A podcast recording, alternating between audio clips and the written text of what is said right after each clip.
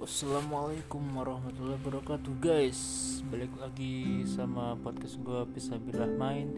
Sebelumnya gue udah ngebahas tentang Berani jadi beda Dan jadimu harimau Dan sekarang gue akan berbicara ngebahas tentang Apa itu? Karma. Ya mungkin lo sering denger ya Karma itu apa? Atau lo pernah denger. Karma itu apa? Dan kalaupun lu pernah denger atau lu sering denger biasanya lu paling sering denger itu ketika lagi ngumpul sama temen lu lagi nongkrong sama temen-temen lo terus lo kena apes gitu misalkan lo kepleset lo kesel lo apa pun itu. Terus temen lo bilang wah karma lo mampus lo. Ya enggak apa itu karma tuh? Jadi so menurut gua karma itu ya ketika lo berbuat sesuatu dan lo akan lihat hasilnya balasannya di kemudian hari. Itu karma namanya. Jadi balasan yang sudah lo perbuat balasan terhadap apa yang sudah lo perbuat itu karma singkatnya.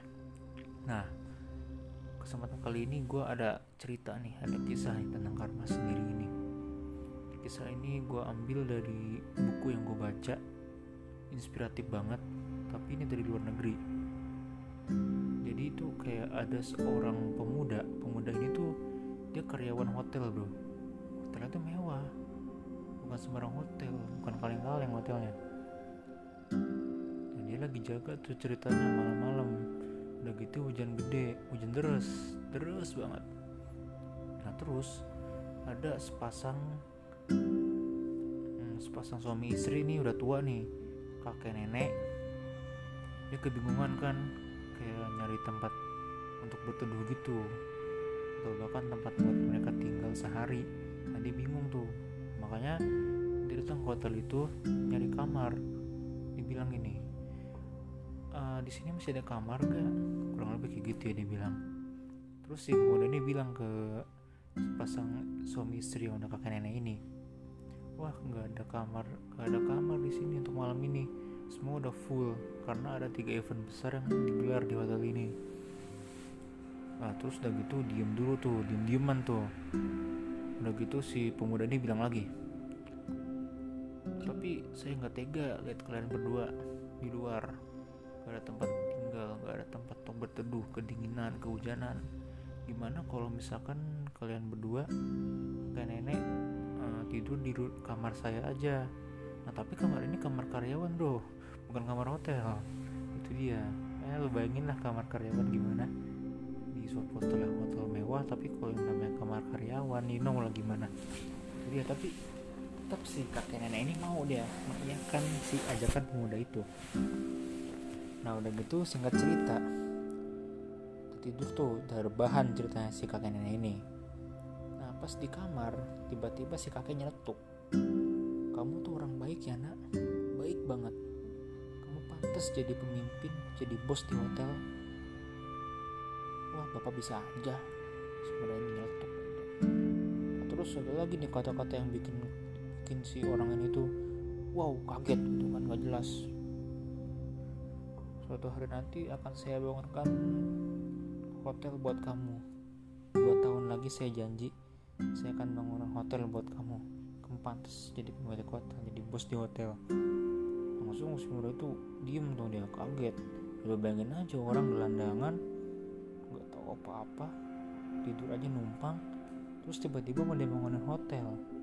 Coba apa yang lo rasain tuh kalau kalau ada orang yang begitu? Mungkin lo bilang gila ya oh, gila lo pak. Oh gila lo dulu dari dari, dari mana lo gitu tapi ini enggak. Langsung lo diem lah. Singkat cerita nih. Langsung aja ya. Udah dua tahun kemudian nih. Setelah dia ngasih tumpangan tempat tinggal buat kakek nenek yang tadi. Begitu dia lagi kerja di hotelnya. Dia lagi jaga hotel biasalah pelayan gimana sih? Nah, uh, mungkin lagi itu lagi siang hari tuh ceritanya. Ada surat panggilan buat dia. Surat panggilannya ini itu entah bentuk email atau dalam bentuk kertas. Kita udah gue yang jelas ini surat cerita. Eh surat cerita lagi. Surat panggilan yang mana dia itu dipanggil buat ke, ke hotel yang ada di luar kota. Ya langsung dong dia nggak bisa nolak. Dia persiapan langsung pergi ke sana ke kota itu. Pas nyampe luar kota hotelnya yang dia lihat hotel yang dia kunjungin itu benar-benar bukan kaleng-kaleng bro. Mewah bahkan lebih mewah dari tempat hotel yang dia selama ini bekerja. Langsung disambut dengan ramah sambut bak raja lah pokoknya sambut bak bos udah gitu ada lagi orang yang langsung nyamperin dia. Terus dia bilang ke si pemuda ini ini hotel hak milik sepenuhnya untuk anda. Dan anda sekaligus menjadi direktur dan bos di sini. Langsung dong si pemuda itu kaget dengan gugu dan polisi dia nggak tahu apa-apa. Lu bayangin lah seorang karyawan hotel biasa dua tahun kemudian tiba-tiba disuruh jadi pemilik hotel bos dari suatu hotel. Bayangin bro. Gimana jadinya tuh? Enak kan? Enak banget. Nah tapi hikmah yang bisa kita ambil ibrah yang bisa kita ambil tuh apa di sini ya jadi apa pun kebaikan yang lo lakuin saat ini sekecil apa pun kebaikan yang lo lakuin saat ini walaupun itu sekecil batang rokok itu akan lo lihat hasilnya kemudian hari. Pasti deh. Dan itu ini untuk gue diri gue sendiri ya.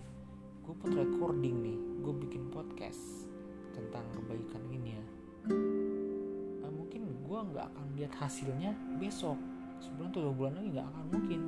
Tapi insya Allah nih setahun dua tahun lima tahun sepuluh tahun lagi oh alam ya pasti akan ada hasil yang akan gue tuai. Dan gue yakin itu makanya jangan anggap remeh perbuatan kecil. Sekalipun itu mungkin bagi lu gak ada artinya. Dan gue yakin pasti kan ada balasannya nih. Entah itu dalam bentuk harta entah itu dalam bentuk kasih sayang orang entah itu dalam bentuk apa pun itulah.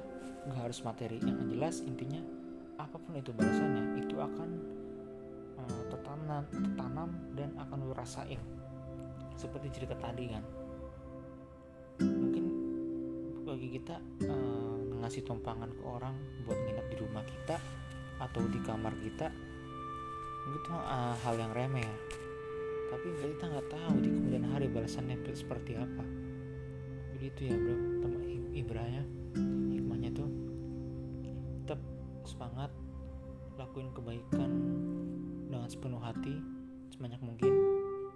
Karena kita nggak tahu ke depannya akan menjadi seperti apa. Sekian. Assalamualaikum warahmatullahi wabarakatuh